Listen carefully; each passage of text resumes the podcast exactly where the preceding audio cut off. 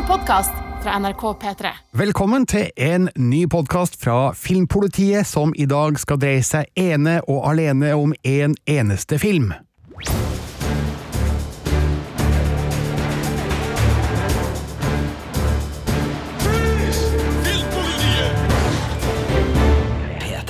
I studio i dag Birger Vestmo. Marte Hedenstad. Og Sigurd Vik. Back together again for første gang på ganske lenge av ulike årsaker. Det er deilig, folkens, for nå skal vi nerde ordentlig om en av høstens aller største kinofilmer, nemlig Dune.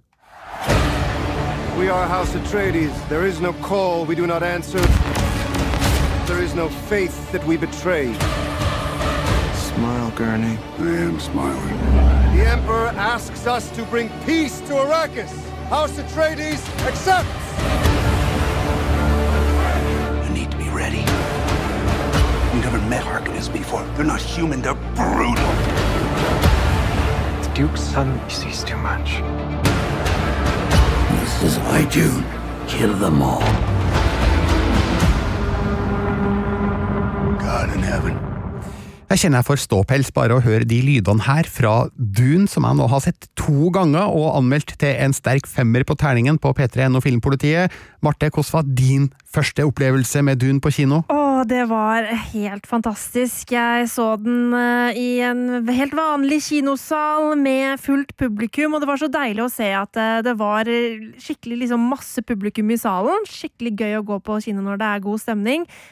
Og jeg ble helt blåst av banen av bare skalaen på det her romeventyret. Og musikken, lyden, eh, historien Herregud, nei, jeg er eh, ekstremt gira. Mm. Sigurd, du så den eh, på pressevisning sammen med meg da jeg så den for andre gang. Ikke like mye trøkk i salen med folk og sånn, men eh, allikevel, det, det visuelle og, og det lydmessige, det, det overrumpla meg på nytt enn med deg. Det var en, en sann glede, og det er jo sånn da at den mest erfarne kinogjengeren her i podkasten er Birger Vestmo, så jeg følte jo da uh, Jeg setter meg der Birger setter seg, for å få full trøkk av lyd og bilde. Det, det er noe med å sitte akkurat der det Yes. rumler mest, og bli sånn at du får dekt hele synsfeltet av enkelte filmer. Det her var en sånn film, og det var en kinoopplevelse, rett og slett. Mm. Du, det med hvor man sitter i salen, det er ikke helt uh, uviktig, faktisk. Midt på rad fire, det er min preferanse i de fleste salene, men det er jo litt sånn forskjell fra sal til sal, da. Men eh, i hvert fall så var det den perfekte plassen å oppleve Dune fra. Vi skal spoile massevis i denne podkasten, så har du ikke sett filmen, slå av nå og kom tilbake til den etter at du har sett Dune, som du selvfølgelig skal se på kino. Vi er avhengig av at du går og ser den på kino, fordi det her er, som vi skal komme innom litt senere, bare halvparten av den opprinnelige Dune-boka som Frank Herbert skrev i 1965. Eh, Warner Bros. har så langt ikke gitt grønt lys til at Denis Villeneuve skal få lage eh, oppfølgeren. De vil nok se det an om det blir penger i kassa når filmen har fått eh, spilt fra seg på kino, spesielt når den da får premiere i USA om fem uker, eh, da den får simultanpremiere på kino der, og på strømmetjenesten HBO Max. Eh, Men her i Europa, blant annet i Norge, så har vi da fått eh, muligheten til å se filmen på kino akkurat nå, og det er en gigantisk eventfilm som hører hjem på de aller største kinolerrettene. Som sagt, den er basert på Frank Herberts banebrytende sci-fi-roman fra 1965, som kun én i denne redaksjonen har lest, Nei, nei. så vidt ja. meg bekjent. Jeg har også lest den. Du har mm. også lest den. Ja, ja. Som to av tre i denne redaksjonen har lest, og det er da dere to, Marte og Sigurd. Eh, hva slags bok snakker vi om her, egentlig? Eh, ja, altså, jeg eh, leste denne for ca. et drøyt år siden, eh, etter at den har vært på sånn den store leselista over bøker jeg har gått glipp av. Eh, forsøkte å lese den da jeg gikk på videregående, syntes den var fryktelig tung. Den er skrevet på en litt sånn dialogtung måte av en sånn allvitende forteller, og da kan språket bli litt tungt. Men dette her er jo da et sci-fi-epos eh, som tar oss 10 000 år frem i tid. Eh, vi blander politikk, eh, åndelighet, eh, teknologi eh, Religion. religion, The Chosen One og alt i en sånn herlig episk mm. fortelling. Jeg snakka med en svært oppegående filmjournalist på filmfestivalen i Venezia, der jeg så Dune eh, for første gang. Jeg bare gnir det inn, folkens. Eh, Som da, i forkant av festivalen, hadde forsøkt å komme i gang med boka Dune, men ga opp etter de første 30 sidene, i hvert fall foreløpig, fordi den er så utrolig tung å lese.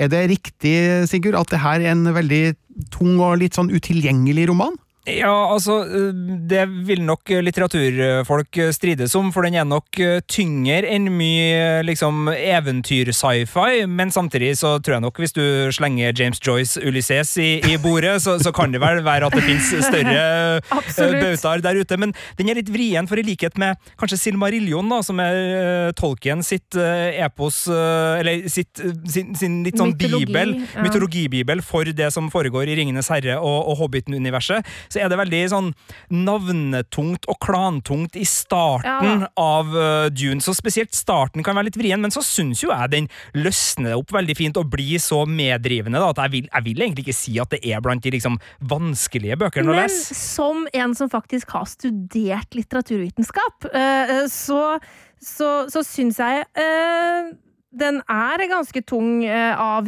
sin tid. Altså, den, er, den er skrevet eh, 19, eller den kom ut i 1965, og eh, av litteratur liksom på, på samme tid, så er den eh, sammenlignbart veldig tung.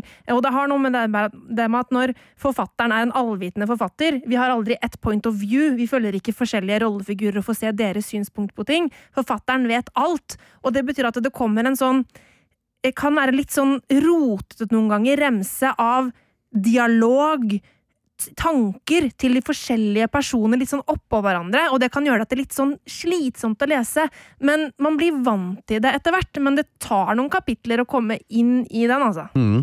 Men eh, når det gjelder filmen Dune, altså 2021-versjonen, så har manusforfatterne John Spates, Denis Villeneuve og Eric Roth tydeligvis har gjort et ganske kraftig arbeid for å forenkle det tematiske i boka, fordi det tar jo ikke mange minuttene før man virkelig er inne i det her universet, forstår litt hvem som er hvem, og har plassert ytterpunktene på de rettmessige stedene. Eh, altså Det starter jo med en fortellerstemme som tilhører figuren Chani, spilt av Zendaya, som forteller om eh, ørkenplaneten Arrakis, hvorfor den er så verdifull i dette universet, og hvordan de har blitt eh, herska over av det brutale huset mm, Harkonnen i mange tiår, eh, og hvordan da keiseren i imperiet, som vi aldri ser noe til i denne filmen, har bestemt at nå skal makta overføres, altså makta over Arrakis, skal overføres til huset Atreides, og eh, hun stiller jo spørsmålet hvem blir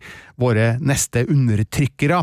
Eh, Det er da anslaget i filmen Dune, og når jeg så det, så tenkte jeg at Chani som jeg, jeg kjente igjen stemmen til Zendaya, hun kommer til å bli en sentral del av denne filmen, men så er hun jo nesten ikke med i det hele tatt, annet enn sånn glimtvis i um, Paul Atreides sine drømmer og visjoner, og ja, litt senere også, uh, i levende live. Er Chani en viktig figur i boka Dune? Altså, En ting er at vi spoiler filmen ja. her nå, Birger. Det er noe så øh, Men skal vi begynne å spoile hva som skjer videre i boka for Nei, dem som gleder seg til fortsettelsen på en eventuell film to? Et interessant uh, spørsmål som jeg nesten må svare nei på. vi, vi har sagt at vi skal spoile Ja. Dune, men altså filmen som foreligger, og kanskje ikke det som eventuelt vil skje i oppfølgeren. Men det jeg kan si da, er at eh, hun er mer med i filmen på dette tidspunktet av fortellingen enn hun er i boka. Eh, der kommer hun seinere inn i handlingen, eh, og det utdypes mye mer av disse drømmene og sånn som Paul har i filmen enn eh, enn i boka.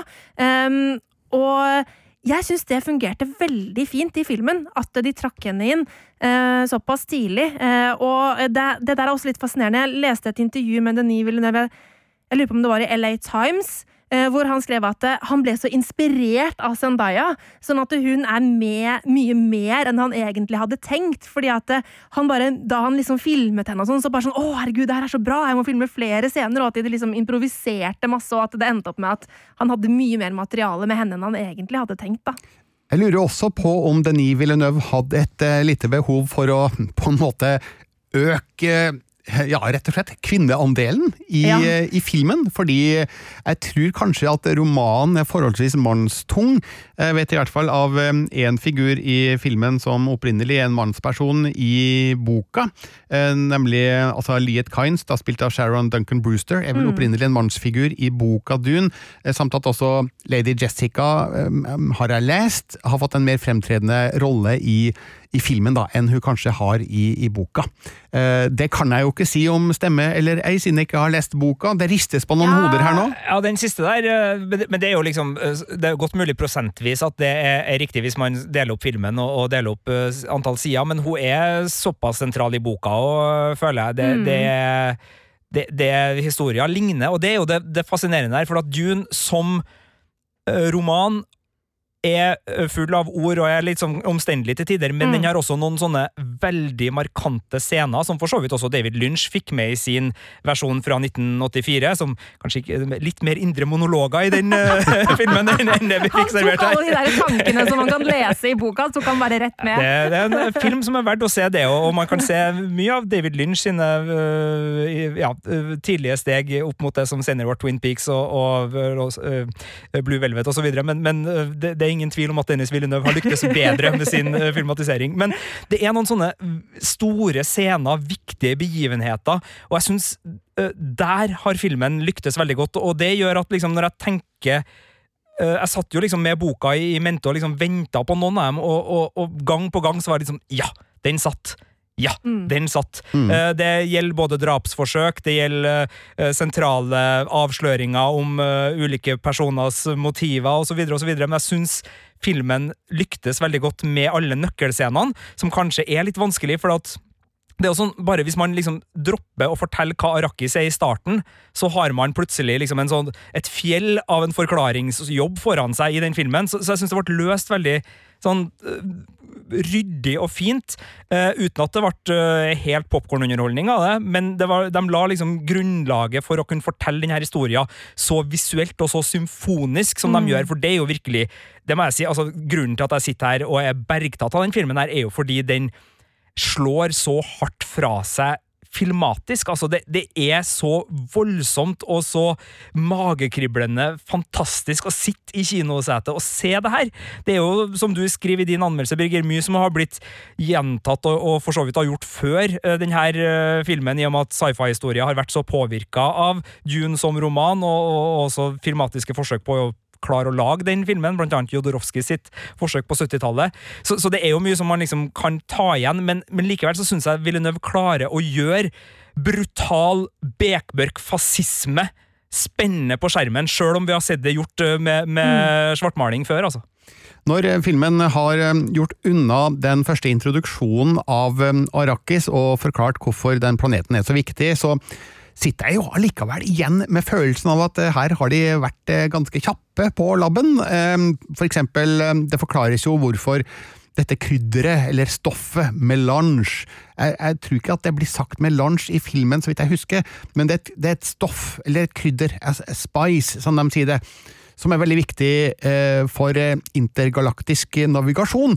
Og der eh, føler jeg at jeg ramler litt av, da. At skal piloter bruke et sånt doplignende krydderstoff for å finne riktig vei mellom stjernene, har de ikke datamaskiner til sånt i år 10.191, eller hva det er? Ja, men Det der er jo det som er veldig spennende spørsmål, fordi dette, denne tiden vi befinner oss i, er jo etter eh, en tid hvor menneskene har eh, på en måte hatt en revolusjon mot eh, maskiner og mot datamaskiner, eh, og har på en måte søkt seg mer mot liksom å utvikle mennesket og utvikle en åndelighet og sånn type. Sånn at eh, det er jo derfor eh, den derre Bene Gesserit-gruppa har eksistert, ikke sant? Sånn at det, det derre menneske mot maskin er et veldig viktig element Mm. eh, i Dune. Det føler jeg ikke blir forklart godt nok i filmen, fordi det var nytt for meg det du sier nå, jeg som ikke har lest eh, boka. Eh, det forklarer jo hvorfor de ikke har noen dataskjermer rundt seg i det hele tatt. Men de har jo teknologi som åpenbart er kan jo ikke være mekanisk styrt, eh, alt eh, det her. Det må jo være en viss grad av datateknologi involvert eh, her, men det er da åpenbart underspilt da i, i filmen, av en grunn som du nå forklarer, som jeg føler kanskje mangler, da. Men etter at vi har kommet oss forbi den innledninga, så introduseres vi jo for filmens sanne hovedperson, Paul Atreides, spilt av Timothy Chalamet. Og jeg kan egentlig ikke se for meg en mer passende skuespiller i akkurat den rollen, for jeg har kjøpt Paul Atreides med hud og hår. Denne mm, eh, ynglingen på jeg vet ikke hvor gammel han skal forestille å være, men sånn rundt 18-19 år kanskje, som eh, fremdeles eh, ikke har fått utvikla sitt sanne potensial, men som vi da forstår har visse skal vi kalle det evner eller egenskaper som noen ønsker å utnytte, og her kommer jo da moras skal vi si, medlemskap i Bene Gesserit-ordenen, eller gruppa, eh, til syne. For hun har jo da vært et livslangt eh, medlem der, hun er vel kanskje ala opp av Bene Gesserit. Hva er det den gruppa prøver på, Marte? Ja, og nå er jeg litt usikker på hvor mye jeg kan si om Bene Gesserit kontra altså bok versus film. Kan jeg i hvert fall si at I filmen så, så kommer det jo fram at de øh, driver avl etter The One. Ja. Uh, altså De prøver å, å få liksom blodlinjer og øh, oppdragelse og alt sammen til å matche, sånn at man liksom får Neo. Ja. Ja. Ja, ikke si Og så kan jeg jo si at de har jo, for det sies jo også i filmen, at de eh, knytter seg til mektige folk i eh, dette eh, keiserdømmet eh, for å på en måte være med å kontrollere litt eh, Mm. bak fasaden, kan man jo si. Ja, og det skinner jo igjennom at eh, Paul Atreides kan være potensielt the one. Ja. Eh, men det får vi jo da se etter hvert i film nummer to, forhåpentligvis, hva som skjer der. Hva tenker dere om at øh, altså, The One er jo en, en- mytisk figur som går igjen i, i veldig mange av våre Mm. favorittunivers, men at det her liksom drives avl på The One? hva hva, hva syns dere om det? Eh, en spennende tanke, som jo for så vidt eh, ikke er helt ny, den heller. Eh, vi kan jo argumentere for at eh, The One i Star Wars-universet det, det er vel Luke Skywalker som er The One Ja, ja, ja, eh, der. Er jo for så vidt også avla Anakin, frem. Kanskje ikke med tanke på å bli The One, men eh, det er noen bloodlines ute og går der òg. Mm. Men eh, det er jo spennende da for en som har elska sci-fi i 40-50 år, å se at oi, det er faktisk Dune som har inspirert brorparten av alle de science fiction-tingene som jeg har elska, og da spesielt Star Wars. Det er vanskelig å komme unna der, sjøl om den befinner seg jo i et eh, helt annet eh, aspekt, eller et helt annet, annet hjørne av underholdningsskalaen, da, mm. så er det veldig mange likhetstrekk der som ikke kan være helt tilfeldige. Jeg tror George Lucas har lest sin Frank Herbert. Ja, det vil jeg tro. Altså, både den der The One-delen og denne kraften eh, Altså mind Chaseren. control Ja, eh, og, og også bare sånn rent eh, visuelt. Eh, Sarlacc Pit Anyone. Ja, Eh, nemlig. det ligner det på noe vi så i denne Dune-filmen, mon Ja, tro. og på en ørkenplanet. Ikke sant? Sånn at det er veldig mye som ligner. Men jeg syns det ligner enda mer etter Villeneuve sin Dune-versjon. Mm. Eh, fordi eh, Villeneuve har liksom tatt det visuelt ikke sånn nærme Star Wars, men det er et eller annet med Stormtrooper-vibben og en del andre sånne visuelle markører. Man får jo litt sånn sittplanetaktig eh, følelse av den her svarte, gigantiske, arkitektoniske utstrålinga som eh, Disse leiesoldatene. Ja, både Ja. dem, men også litt sånn hjemme hos uh, Darth Harkonnen, ja. Eh, som, som bader i olje. Og, ja. Så, så, så den, den kom, de kom nærmere hverandre gjennom den filmatiseringa her. Er. Eh, altså, jeg, jeg, hvis du hadde nevnt de likhetstrekkene eh, før jeg hadde sett filmen, eh, så, så liksom sånn Ja, ja, ja, det, er- det er mye som ligner, men nå kjente man virkelig at ja, det er mye som ligner. Vi får i hvert fall eh, skildra det nære forholdet mellom Paul Atreides og hans mor lady Jessica, som da ikke er gift med duke Leto Atreides, spilt av Oscar Isaac, men er vel da hans konkubine, og på et tidspunkt i filmen så sier han jo rett ut I should have married you. Jeg skulle ha gifta meg med deg. Eh, Det har da ikke skjedd. Men akkurat dette mor-sønn-forholdet er veldig viktig, føler jeg, da, for Dune Part One, som jo er den hele tittelen på den første filmen, og som eh, jo vil bli betydningsfullt også seinere i løpet av eh, filmen. Eh, Men så får vi da scener der Duke, Leto Atreides og resten av Atreides-huset får da besøk av keiserens sendebud, som proklamerer at de skal overta makta på Arrakis. Og så vet jeg ikke om det blir forklart godt nok nøyaktig hvorfor keiseren har bestemt dette, og det, det hører vi jo at eh, Duke Leto og Trades også lurer litt på, eller han sier i hvert fall til sønnen sin at eh, det kommer til å bli farlig politisk når de drar til Arrakis, men ingen stiller egentlig de store spørsmåla rundt hvorfor i all verden vil keiseren dette? Er det noen som har noen tanker på det? Ja, altså det er jo et uh, spill rundt uh, ulike storhetsmakter og ulike gravitasjonspunkter for mulig motstand, som er litt uh, greia med disse familiene. Og det blir jo nevnt i filmen nå, at hvis man skal gjøre opprør, så vil folk samle seg rundt eksempel da gamlefar Leto, spilt av Oscar Isaac, at han er en innflytelsesrik person på den litt mer ja, det som oppleves som den moderate og milde delen da, av, av eh, galaksen. Og det er jo noe interessant her, fordi um, det, det kommer også i boka ganske tydelig fram at det er et politisk spill som alle er klar over er fullt av feller. altså Det er ikke noe sånn her at man sitter med en sånn sjokkopplevelse over at ei falldør plutselig åpner seg under uh, hertugen og hans sønn, og så ramler de inn. altså De går jo mot Arrakis egentlig med en sånn fornemmelse av at ok, det her er ei felle, men vi må, bare, vi må bare spille spillet, og så må vi bare sørge for å være bedre enn dem. Og, og uh, det at eh, keiseren er en litt sånn fraværende makt her, som kanskje ønsker å gi Harkonnen-klanen en liten sånn kakk. Kanskje ønsker han at de skal bli mektige, det vet ikke vi helt, i, sånn som filmen utspiller seg. Vi vet i hvert fall at han føler at uh, hertugen, altså faren til Paul, begynner å bli uh, for farlig da, å ha som en mulig motstander. Ikke at han er en motstander, men han er en mulig motstander, så han må bort, og da gi han Arrakis i gave for å lokke han dit, sånn at vi kan ta livet av en sånn at han er borte fra spillet. Så det er jo de her mekanismene som man kan kjenne igjen fra storpolitikk og Game of Thrones og, og hva det skal Ja. være som, som er motoren. Men hvis Leto Atreides og resten av huset Atreides drar til Arrakis i visshet om at det her kanskje er en felle, så virker de sjokkerende dårlig forberedt på at det kanskje skal komme et eh, angrep fra huset Harkonnen. Ja, der er, det er jeg litt enig i at i filmen så ser det sånn ut. I boka så snakkes det ganske mye mer om sikkerhet og dobbeltspill og, og mulig forræderi og alt mulig sånn der.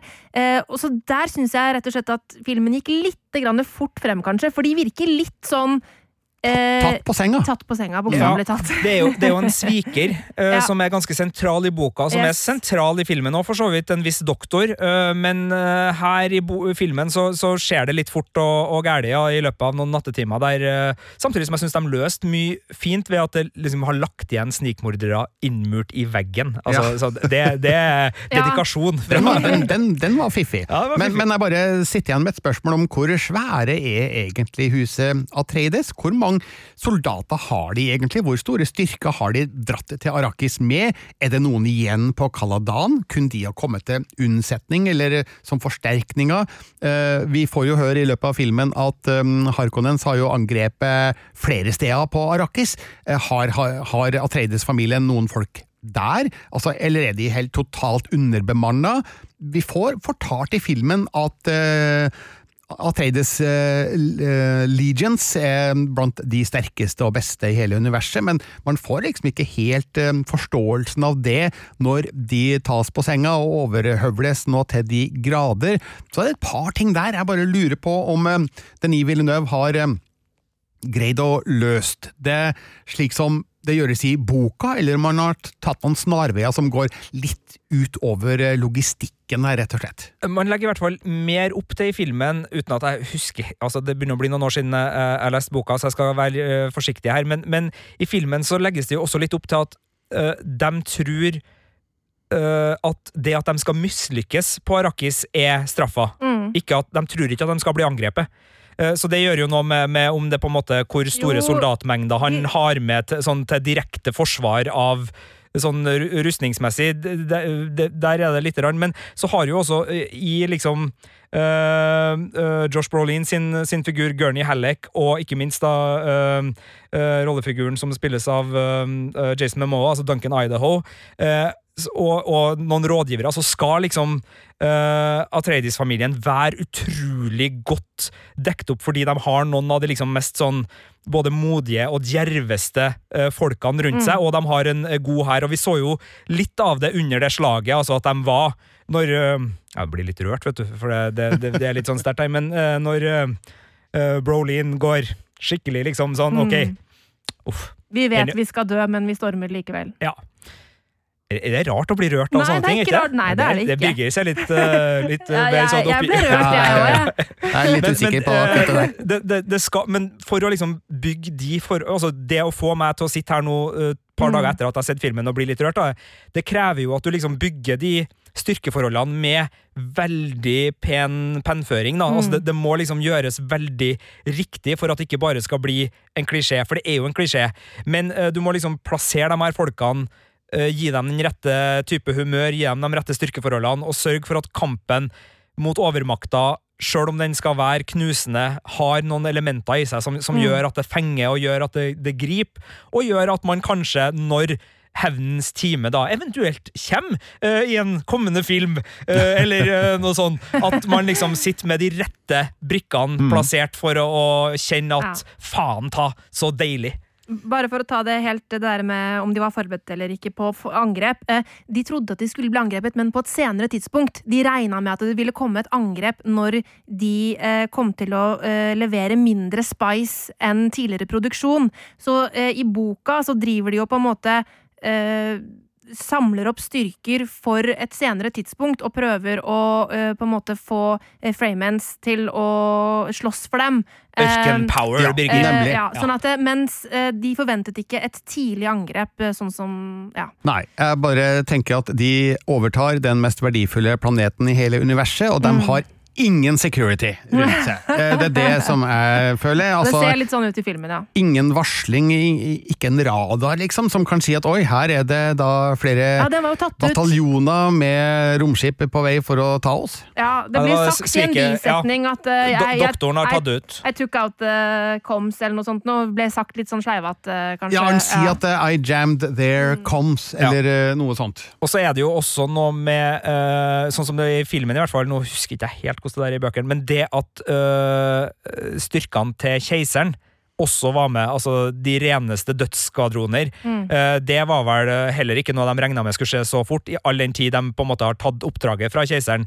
eh, Ja. Takker ja, og så går det ei uke på en ørkenplanet, og så eh, har den samme personen Man man forventer Ja. jo litt eh, bedre oppsigelsesbetingelser. Ja, jeg tror det var keisers, keisersmenn eh, forkledd i Harkonnen-klær eller noe sånt. Nå tror jeg det er i boka, er det ikke noe sånt? Jeg husker ikke helt sjøl. Ikke i filmen, tror jeg, for der blir de jo gjenkjent med en Ja. gang. Eh, Ja. Hva er det de heter? Sarokal... Sarokans? Eh, ja, eh, det var det. Det er noe der, Eh, beklager noe hvis jeg sier det litt feil, men eh, dette må vi da komme til bunns i. Men det er et par-tre personer vi må komme innom her, som er viktige i historien, eller er de egentlig det? Altså, Duncan Idaho, spilt av Jason Momoa. Jeg føler jo at han mest av alt er med som en sånn comic relief, for å ja, løse opp i den alvorstunge stemninga. Uh, han kommenterer musklene til Paul Atreides. uh, Å, har jeg fått muskler? Nei, du har ikke det. Eh, og er liksom eh, gung-ho-piloten som eh, skal være den kjappe i replikken og den vittige eh, vitsemakeren. Eh, men fungerer det godt nok, syns du, Marte? Eh, jeg, jeg, jeg merker skepsis, skepsis i stemmen din, Birger, men Ja. jeg syns det var kjempegøy. Jeg lo jeg, og kosa meg med den rollefiguren, og jeg syns det var en rollefigur som kledde Jason Momoa veldig godt. Eh, og så eh, syns jeg òg det er på en måte en fin måte å vise det at eh, Paul har liksom vennskap med folk som egentlig jo er bare på en måte herrens menn. Altså sånn de er eh, ansatte eh, på en måte soldater og sånn, men, men han har et nært vennskap eh, der. Eh, så jeg syns at det var kjempefint. Ja. Jeg koser meg med det. Han får jo en veldig fin utgang, eh, også da, denne figuren. Men eh, jeg følte av og til underveis at eh, noen av eh, de scenene med Jason Momoa skurra litt, da, mot det veldig mørke bakteppet ellers i filmen. Men ingen stor innvending der, altså. Så har vi Joshua Bro Brolin da, som Gurney Halleck. Hva slags hva slags arbeidsinstruks er det han har, egentlig? Er det sverdmester? Eh, Ja, han er jo på en måte lederen for hæren, eh, men han har også, sammen med Jason Momoa sin rollefigur, da, et personlig ansvar for Paul Og eh, og hans han. Opptrening og Ja. opplæring. Men han er den militære rådgiveren, og for så vidt også den militære lederen for Atreides-huset, Ja. eh, i eh, alle praktiske henseender. Jeg føler at han er litt underbrukt. Skulle gjerne sett mer av Josh Brolin, fordi han er jo en sånn sabla god skuespiller, og jeg syns at uh, figuren virker veldig spennende. Men han har jo et kongelig godt øyeblikk, uh, som vi også har hørt i det klippet her. Han er med i traileren der han forklarer Du har aldri møtt noen som Harkonnens. De er brutale, bare at han sier brutal på en måte som virkelig hamrer inn hvor brutale Harkonnens er. Veldig godt eh, spilt av eh, Josh eh, Brolin. Men klart, det er et stort persongalleri her, og det er vanskelig å skal gi alle sammen like mye tid, så han er å bli en birollefigur midt oppi det her, men han tilfører jo en viss grad av seriøsitet til en historie som eh, ja, kanskje ikke trenger mer av det, men han befester i hvert fall inntrykket av at kampen mot Harkonnens, den er brutal, som han sier det. det er jo noe eh, med de der eh, store episke historiene som starter med et rollegalleri som vi umiddelbart blir glad i, og så kvestes det rollegalleriet ned til eh, et, mye mindre kjernegalleri og serverer noen gode hevnmotiver underveis. Og det her er jo en sånn fortelling hvor flere av de, eller spesielt da, tre av de virkelige, liksom, eh, med, med far, eh, våpenmester og, og kameratkriger, som alle tre liksom blir fjerna fra Paul Atreides sitt, eh, sitt liv. Altså, de er hans store beskyttere, mm. og de forsvinner alle sammen. Og det å putte gode skuespillere på dem gjør jo at savnet blir fordømt, da, men, eh, men samtidig så er det jo noe med å sette opp historier skikkelig med det. Eh, på skurkesida eh, så syns jeg jo også det er to eh, blankissede menn som får eh, begeistre Jeg vet ikke, Hva syns du om vår svenske venn Stellan Skarsgård i, i rollen som baron, Birger? Ja, han gjør en fantastisk versjon av eh, Marlon Brando fra Apokalypse nå. Eh, Kobla med Marlon Brando i eh, filmen eh, The Island of Dr. Moreau, der han er litt eldre og enda større. Men jeg tenker at Skarsgård må ha kikka litt på Brando før han laga sin egen versjon, da, eller sin egen figur. Doktor, nei ikke doktor, men baron Vladimir Harkonnen. Fantastisk navn. Og han er jo virkelig en skikkelse, da, med sin utrolig godt laga fatsuit. Det det må jo være det. Jeg håper Ja. virkelig det. Eh, samtidig som han jo har en han er, han er høyreist på en måte som gjør han til en virkelig markant eh, skikkelse. Jeg tror Skarsgård har hatt det veldig gøy jeg, med å spille eh, Vladimir Harkonnen, og eh, han står jo frem som et skikkelig rasshøl, som vi da forstår er absolutt fiende nummer én for eh, Atreides-huset, i hvert fall i denne filmen. Jeg syns at det er veldig godt eh, fremstilt, og eh, en eh, solid antagonist i eh, del én av, av Dune. Eh, Den andre, jeg tenker du snakker da om Dave Bautistas eh, eh, rollefigur, gjør du ikke det? Det stemmer. Rabban. Ja. Han eh, er jo da en kriger, som vi forstår er lite happy med at Arrakis er blitt eh, fratatt dem, og han gjør klart eh, det til kjenne overfor sin, sin sjef, og han føler jeg vi må få sett mer av etter hvert.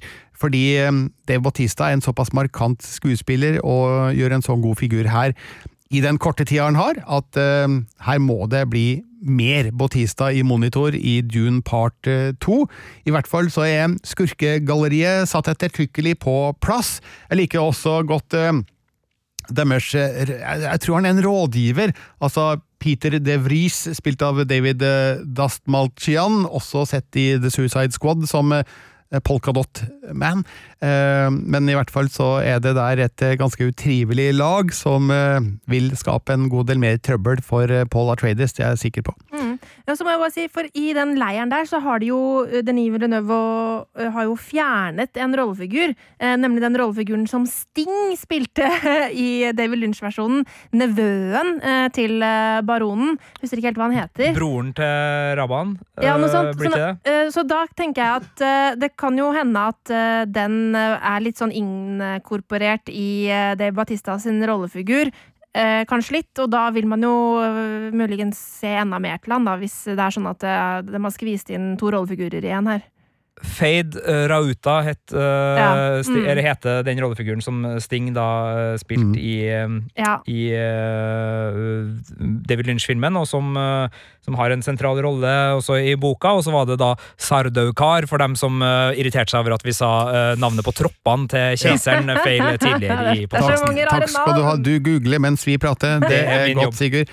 Men vi må snakke litt mer om eh, filmens utseende, for vi har jo vært innom det allerede. Men det her er altså storslagen science fiction av den desidert mørke sorten. Jeg tror kanskje aldri jeg har sett en mørkere science fiction-film noen gang.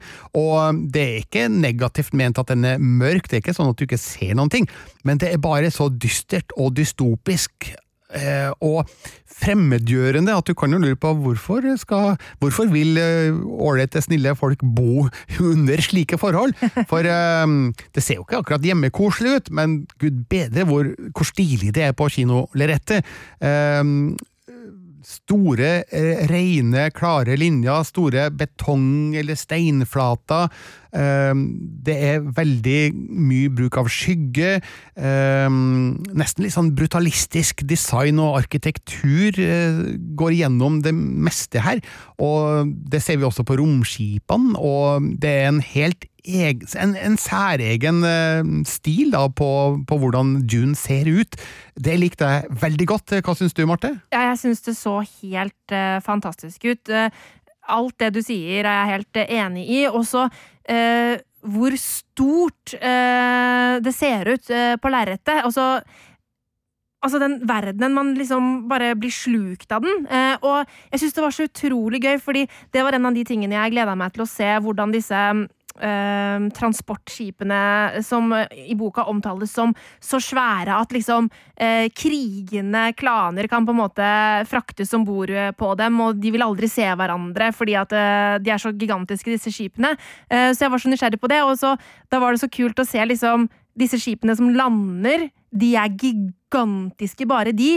Eh, og så ser du at de liksom flyr langt oppe i atmosfæren der, og der oppe så ser man et skip hvor det, det gigantiske skipet bare er en liten prikk på himmelen i forhold.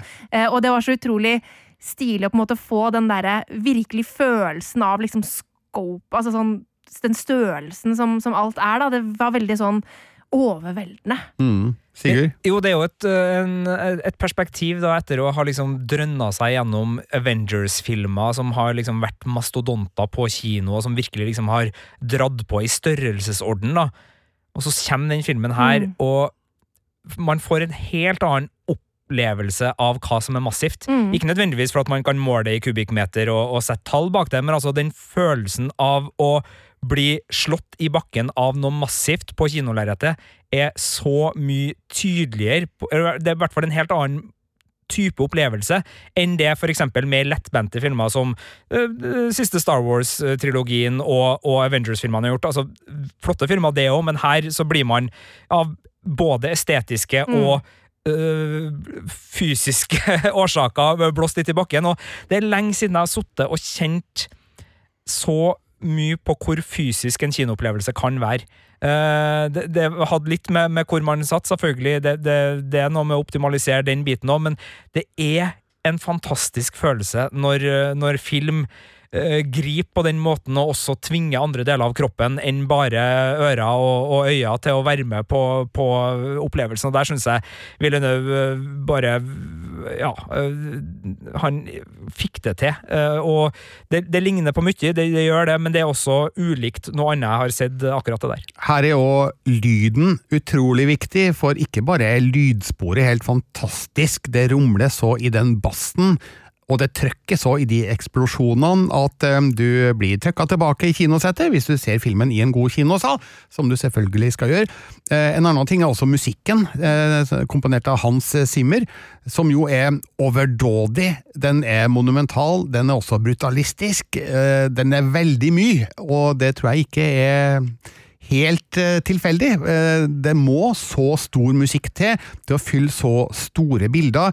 Jeg fikk av og til litt sånn eh, Vangelis i Blade Runner-aktige eh, assosiasjoner til den musikken som Hans Zimmer laga her, eh, samtidig som han også inkorporerer mye mm, ja, Virker som litt sånn midtøstlig mm. eh, lignende musikk. og Sekkepipe! Det var, jeg skulle til å si, for det var sekkepipa, det var det. Og, og, det er vel et slags tema for uh, House Outraties. Ja, det virker som det. Og et ganske sånn si, altså, eh, duraktig sekkepipesegment som mm. jeg var uh, positivt overraska over. Det dro meg litt ut. Fikk en sånn liten fremdongseffekt der. på sånn, Jøss, i all verden, skal vi plutselig over i, i noe annet enn strykearrangement?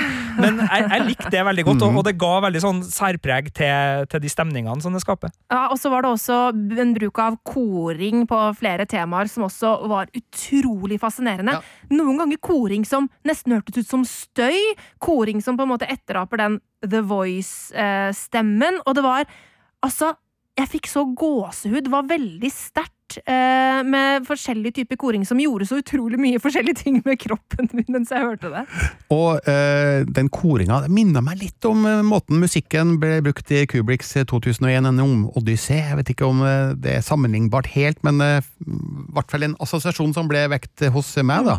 Uh, The Voice Hva for noe, sa du? Jo, altså, den uh, Voice, altså med stor V, uh, hvor når de bruker stemmen, den som ja. de er opplært den til Den de befaler med. Ja, ja for det, filmen starter jo med en sånn stemme ja. som sier at drømmer er budskap fra dypet, tror jeg det mm. oversettes med.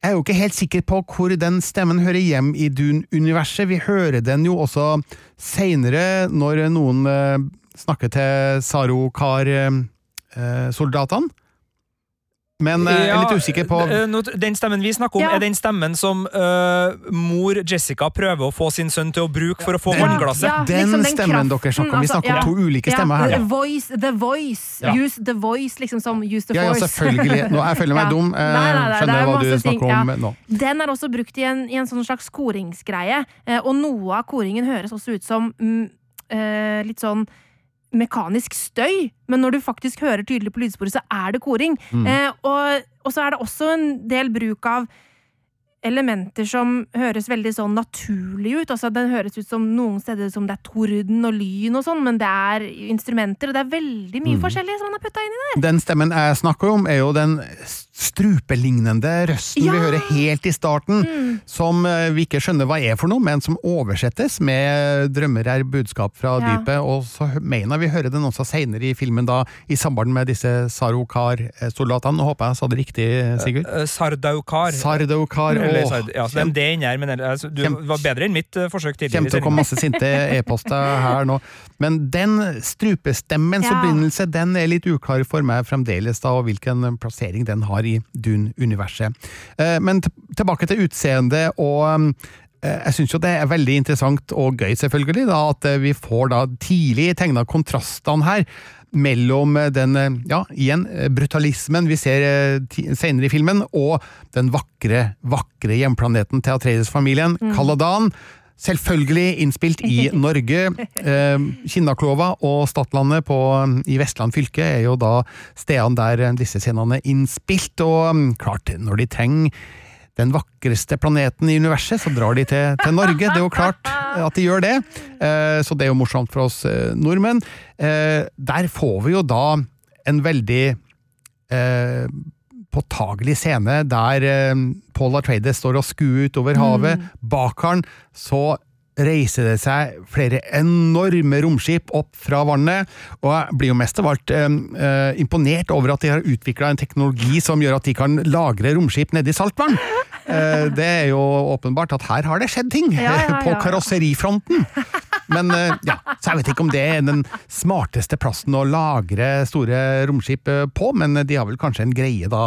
de, har, de har smurt inn romskipene med noe, med noe med noe stoff. greier. Det er jo en vannplanet, vet du, så det er mye vann. Da Ja. må man finne alternative løsninger. Nemlig. Mm. Uh, men i hvert fall så uh, Der får vi jo det første inntrykket av hvor svære disse romskipene eh, egentlig er. Skulle gjerne sett litt mer av hvor, hvordan de er på innsida, hvordan de fungerer, og hva som driver dem. Vi ser liksom ikke noe rakettmotorer noe sted, for eksempel. De bare glir gjennom, eh, litt som eh, romskipene i, eller romskip E i Arrival, en tidligere film av Denis Villeneuve, som jeg tror kanskje har inspirert litt av utseendet på romskipene i eh, Dune, for det var en, visse likhetstrekk der. Jeg stussa jo på uh, insektetterligningene uh, Mm. da vi kom til, Tarakis, men vi skal kanskje Jeg vil ikke gå til Arrakis før du er ferdig med, med den norske naturen, Birger, men uh, Eller skal vi gå videre i Ja, nei, jeg er ferdig med den norske naturen. For, for da syns jeg jo uh, det var vanskelig å se helikopterflyg når de flapper så mye med vingene at det blir nesten sånn 3D-effekt på, på skjermen, men, men det var jo utrolig kult at de har liksom tatt insekt og, og bygd uh, velfungerende ørkenromskip. da. Men var det flere som fikk litt vondt i øynene av all den her oh, flikkinga ja. på Nei, Jeg ble bare mest av alt uh, interessert i å vite hvordan den teknologien funker, fordi man skulle jo tro at uh, her blir romskipene, eller ornitopterne, rista i filla. Jeg skjønner ikke helt hvordan de skal kunne fungere som stabile fartøy med den flappinga av disse øyenstikkerlignende vingene.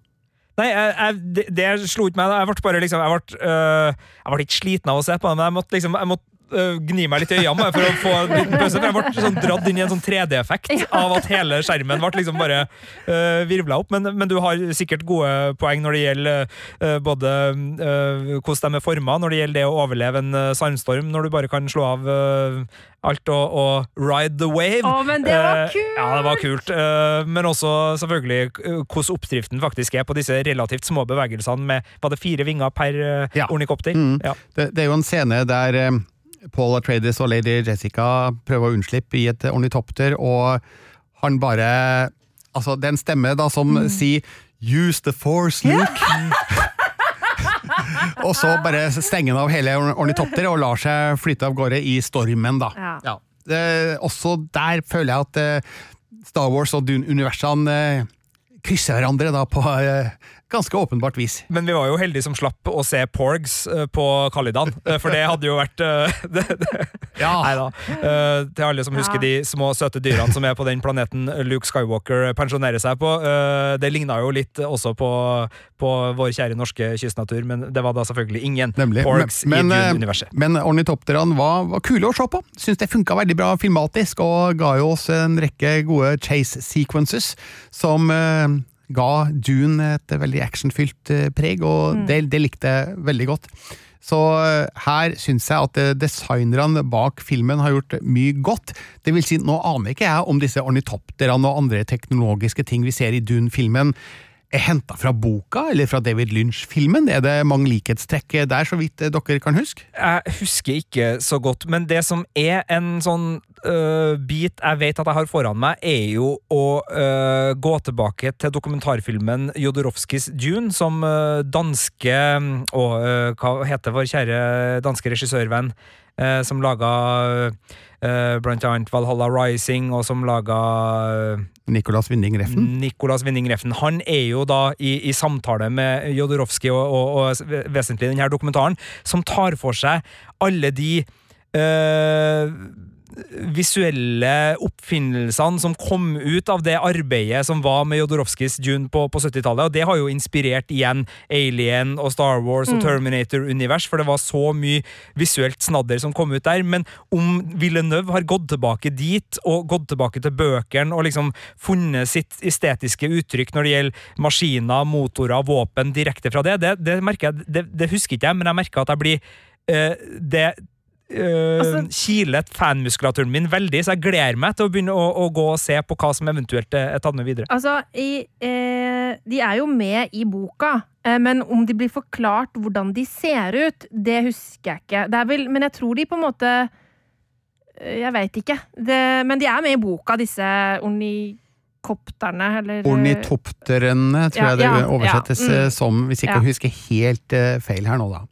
Eh, vi begynner å lakke og lir mot en slags slutt her, eh, så la oss konkludere med hvordan Dune Part 1 egentlig fungerte for oss. Eh, I anmeldelsen min så skriver jeg jo at den avslutter akkurat idet den er i ferd med å bli virkelig interessant, fordi der ser vi jo at Paul Atreides og hans mor lady Jessica har fått kontakt med frimennene, som vi ennå ikke har nevnt i denne podkasten, men som jo er urinnvånerne på Arrakis, eh, der eh, Zendayas eh, figur Chani er en del av de, og også da Stilgar, spilt av Javier Bardem, som da leder frimennene, som da bor i såkalte eh, spredd rundt på Arrakis. Eh, Det er vel en slags eh, underjordiske bosteder, der de eh, bor i skjul for både sol, varme og ikke minst da de som til enhver tid bestemmer over utvinninga av melange på planeten. Og vi ser jo at Paul Atreides og lady Jessica er på full fart inn der. Vi vet jo ennå ikke, vi som ikke har lest boka, hva som kommer til å skje der, men det aner meg at de kommer til å gå i ledtog med frimennene, hver en av de. og så får vi se da hva som skjer i eh, Dune part 2, som skal lages, men jeg syns at det her er en eh, interessant reise da, som Paul Atreides gjør, som starter filmen som arving i huset Atreides, og som avslutter den som noe helt annet, for huset Atreides det, det eksisterer jo ikke lenger, eh, åpenbart, skal vi tro filmen, for eh, de, de, få, de få styrkene de hadde på Arrakis, de er utrydda, og det finnes ikke noe mer.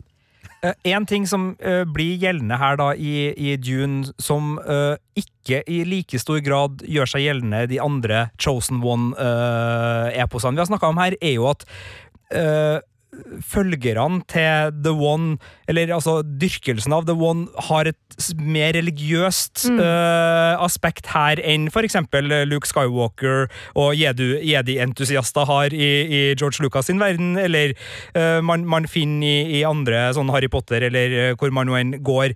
Hva tenker dere om det, og, og hvordan syns dere det ble på en måte løst? For det er jo noen innslag her av liksom hvordan Bene Gesserit-ordenen har planta liksom eh, litt sånn eh, Se etter disse sporene for deres eh, kommende Messiah-figur. Eh, altså, Hva syns dere det var bakt inn, bare for, for å ta det aspektet litt sånn på tampen der?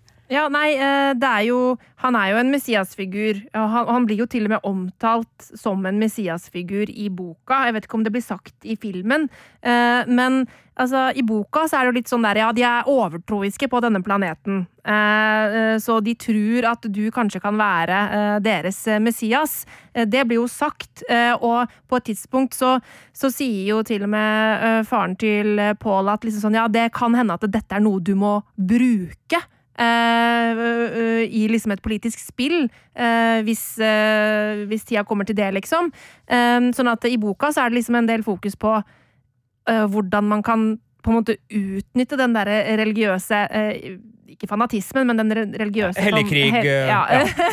Det er sånn at eh, Og den bygger jo opp til noe mer, eh, akkurat dette, men vi skal kanskje ikke si Jo, altså, det blir jo Det er jo noen eh, tankehallusinasjoner, Ja, opplegg, hvor helt på tampen der, før hvor Paul på en måte, når han skriker til moren sin på en måte 'Dere har gjort dette mot meg', eh, når han på en måte begynner å se inn i en mulig fremtid og, og på en måte skjønne hva som kanskje kan være hans skjebne, da. Mm. Det er jo et kjempesterkt øyeblikk, eh, og akkurat i det øyeblikket så ønsker han det jo ikke.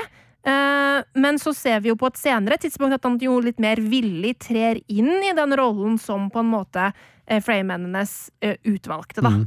Det er jo en slags coming of age-historie det her, om Mm. Paul Atreides, eh, som skal bli spennende å se hvordan det utvikler seg. Men, men historiens religiøse aspekter føler jeg speiler jo vår egen samtids gudetro eller overtro, eller kanskje det er en og samme ting, alt ettersom hvordan man ser på det, og hvordan enkelte ser sitt stikk til å utnytte de strømningene da hos eh, befolkninga rundt om i verden, og det syns jeg jo er spennende, da blanda sammen med de science fiction-aspektene som historien ellers har. Så Dune-universet står for meg som et veldig spennende og nytt sted for, for min del. For jeg har da som sagt ikke lest boka, har ikke sett David Lynch-filmen, av en eller annen for meg helt mystisk grunn, fordi som science fiction-fantast fra helt unge år, så det er veldig rart at jeg aldri har sett den, men øh, ja, kanskje jeg skal benytte meg av muligheten til det nå. Men vi vet jo da at Frank Herbert han skrev jo da fem oppfølgerbøker. Nå er vi da halvveis i bok nummer én, så hvis Dune-filmen blir en gigantisk suksess, så kan det jo tenkes at eh, vi har en hel serie med Dune-filmer foran oss. Men jeg er veldig usikker på om det går. Dessverre så må jeg si det. Jeg aner virkelig ikke hvordan denne filmen blir mottatt. Jeg vet jo at veldig mange som har sett den, liker den veldig godt, men er det nok av de som syns at det her er verdt å se på kino, til at Warner Bros vil lage mer? Mm. Akkurat uh, nå, 16.9.2021, så er ikke jeg i stand til å forutsi om eh, det vil bli slik, eller om vi sitter igjen med den her ene halvparten av eh, boka i filmatisk eh, form. Er det noen her som føler seg sikrere på hva som kommer til å skje, enn det jeg gjør?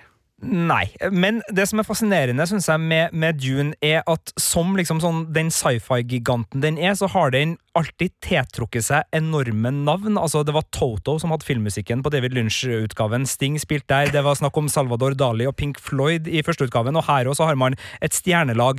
Samtidig, sammenligna med veldig mange av de andre store sci-fi-franchisene, så er merch-muligheter, franchise-muligheter og pengeinntjeningsmulighetene mye mindre, fordi det her er sci-fi for et mer voksent publikum, og det er også litt sånn den er mer seriøs. da, Den har de religiøse og de politiske aspektene mye mer fremtredende enn i en mer sånn barnevennlig fantasy-verden. og det gjør jo at økonomien i det her er på ei side Det koster sabla mye, for det er store navn som skal være med, som skal ha store lønningsposer, og det, det, det er liksom et prestisjeprosjekt, selvfølgelig, men det er dyrt. Og så er det kinopenger å tjene. Muligens litt usikkert hvordan det blir, alt ettersom det her HBO Max-vinduet i USA og, og, hvordan det vil utspille seg nå utover høsten. Uh, men utgiftene er, er store, og det er liksom ikke den andre pengesekken, da, hvis man kan kalle det altså den som er uh, i produkt-tie-ins og franchise-muligheter og avstikkere og animasjonsserie på Disney Pluss osv. Den, den kan dukke opp. altså Det kan hende at June blir noe, noe, større. Med Sandaya og uh, Timothy Chalamet i, i hovedrollen så har de to unge, veldig populære skuespillere som det kanskje går an å, å skape mer rundt, men, men jeg, jeg, frykter jo litt da at Dune ligger litt imellom uh, to verdener. Det er liksom ikke nok familievennlighet til at det blir den store sci-fi-franchisen, og så er det kanskje øh, for dyrt til å holde ved like som en smalere filmserie. Betyr det her at du ikke har lyst på en Dune matboks, Sigurd? Altså, jeg har lyst på Dune Altså, ok, eh, jeg har øh, ganske mye Dune-produkter. Jeg har Dune-maleri på veggen hjemme. Jeg, jeg, kjøper den matboksen, det er ikke noe problem. Eh, jeg har brukt over 1000 kroner på en gammel Dune-VHS, Birger. Men, øh, men øh, beach towels og ja, øh, skjorta, det, det, kan bli et hard sell, selv om hvis de drar fram Sting på, på matboksa igjen, så, så kan det jo være. Altså, visuelt sett så er det jo ganske mye som kan gjøre, gjøre seg bra, både på plakater og og matbokser og T-skjorter og alt mulig fra denne filmen, da.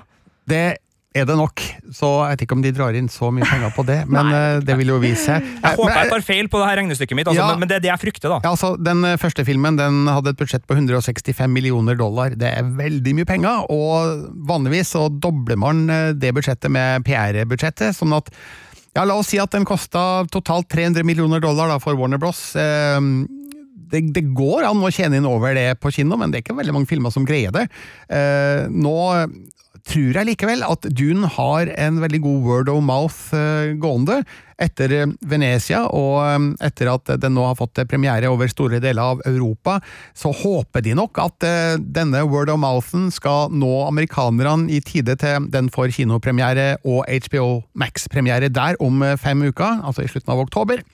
Eh, så det er vel et mål at uh, den skal greie å kjenne inn såpass mye at uh, de får uh, greenlighta nummer to.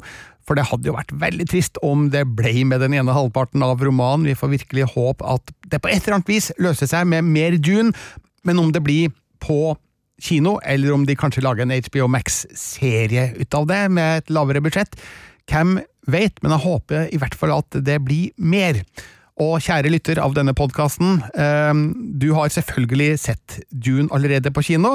Hvis ikke så var det veldig dumt av deg å høre på denne podkasten så lenge, men eh, det er absolutt en film verdt å se for andre gang på kino, kanskje også tredje, fordi det her er en sånn type film som gir deg en ny opplevelse på kino hver gang, føler jeg, for jeg har sett den to ganger, og den andre gangen den var minst like god som den første.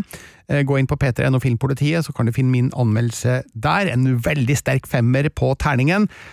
Det, det er i nærheten av sekseren her, altså. Jeg vet at det er flere som er uenige med meg og synes at jeg skulle gått helt oppe på, på skalaen, mens andre internasjonale journalister har vært enda litt mer kritiske igjen. Så det er en film som har litt sånn vekslende mottagelse, men overveiende svært positivt. Og så må vi jo bare si at eh, da vi laga lista vår eh, over filmer vi gleder oss til i 2020, så var Dune på topp. Da vi laga lista over filmer vi gleder oss til i 2021, så var Dune på topp. Dune har innfridd, eh, og det har tatt tid, men den, den har virkelig plassa seg her, og jeg kjenner at nå er det lite jeg gleder meg mer til enn Dune part 2.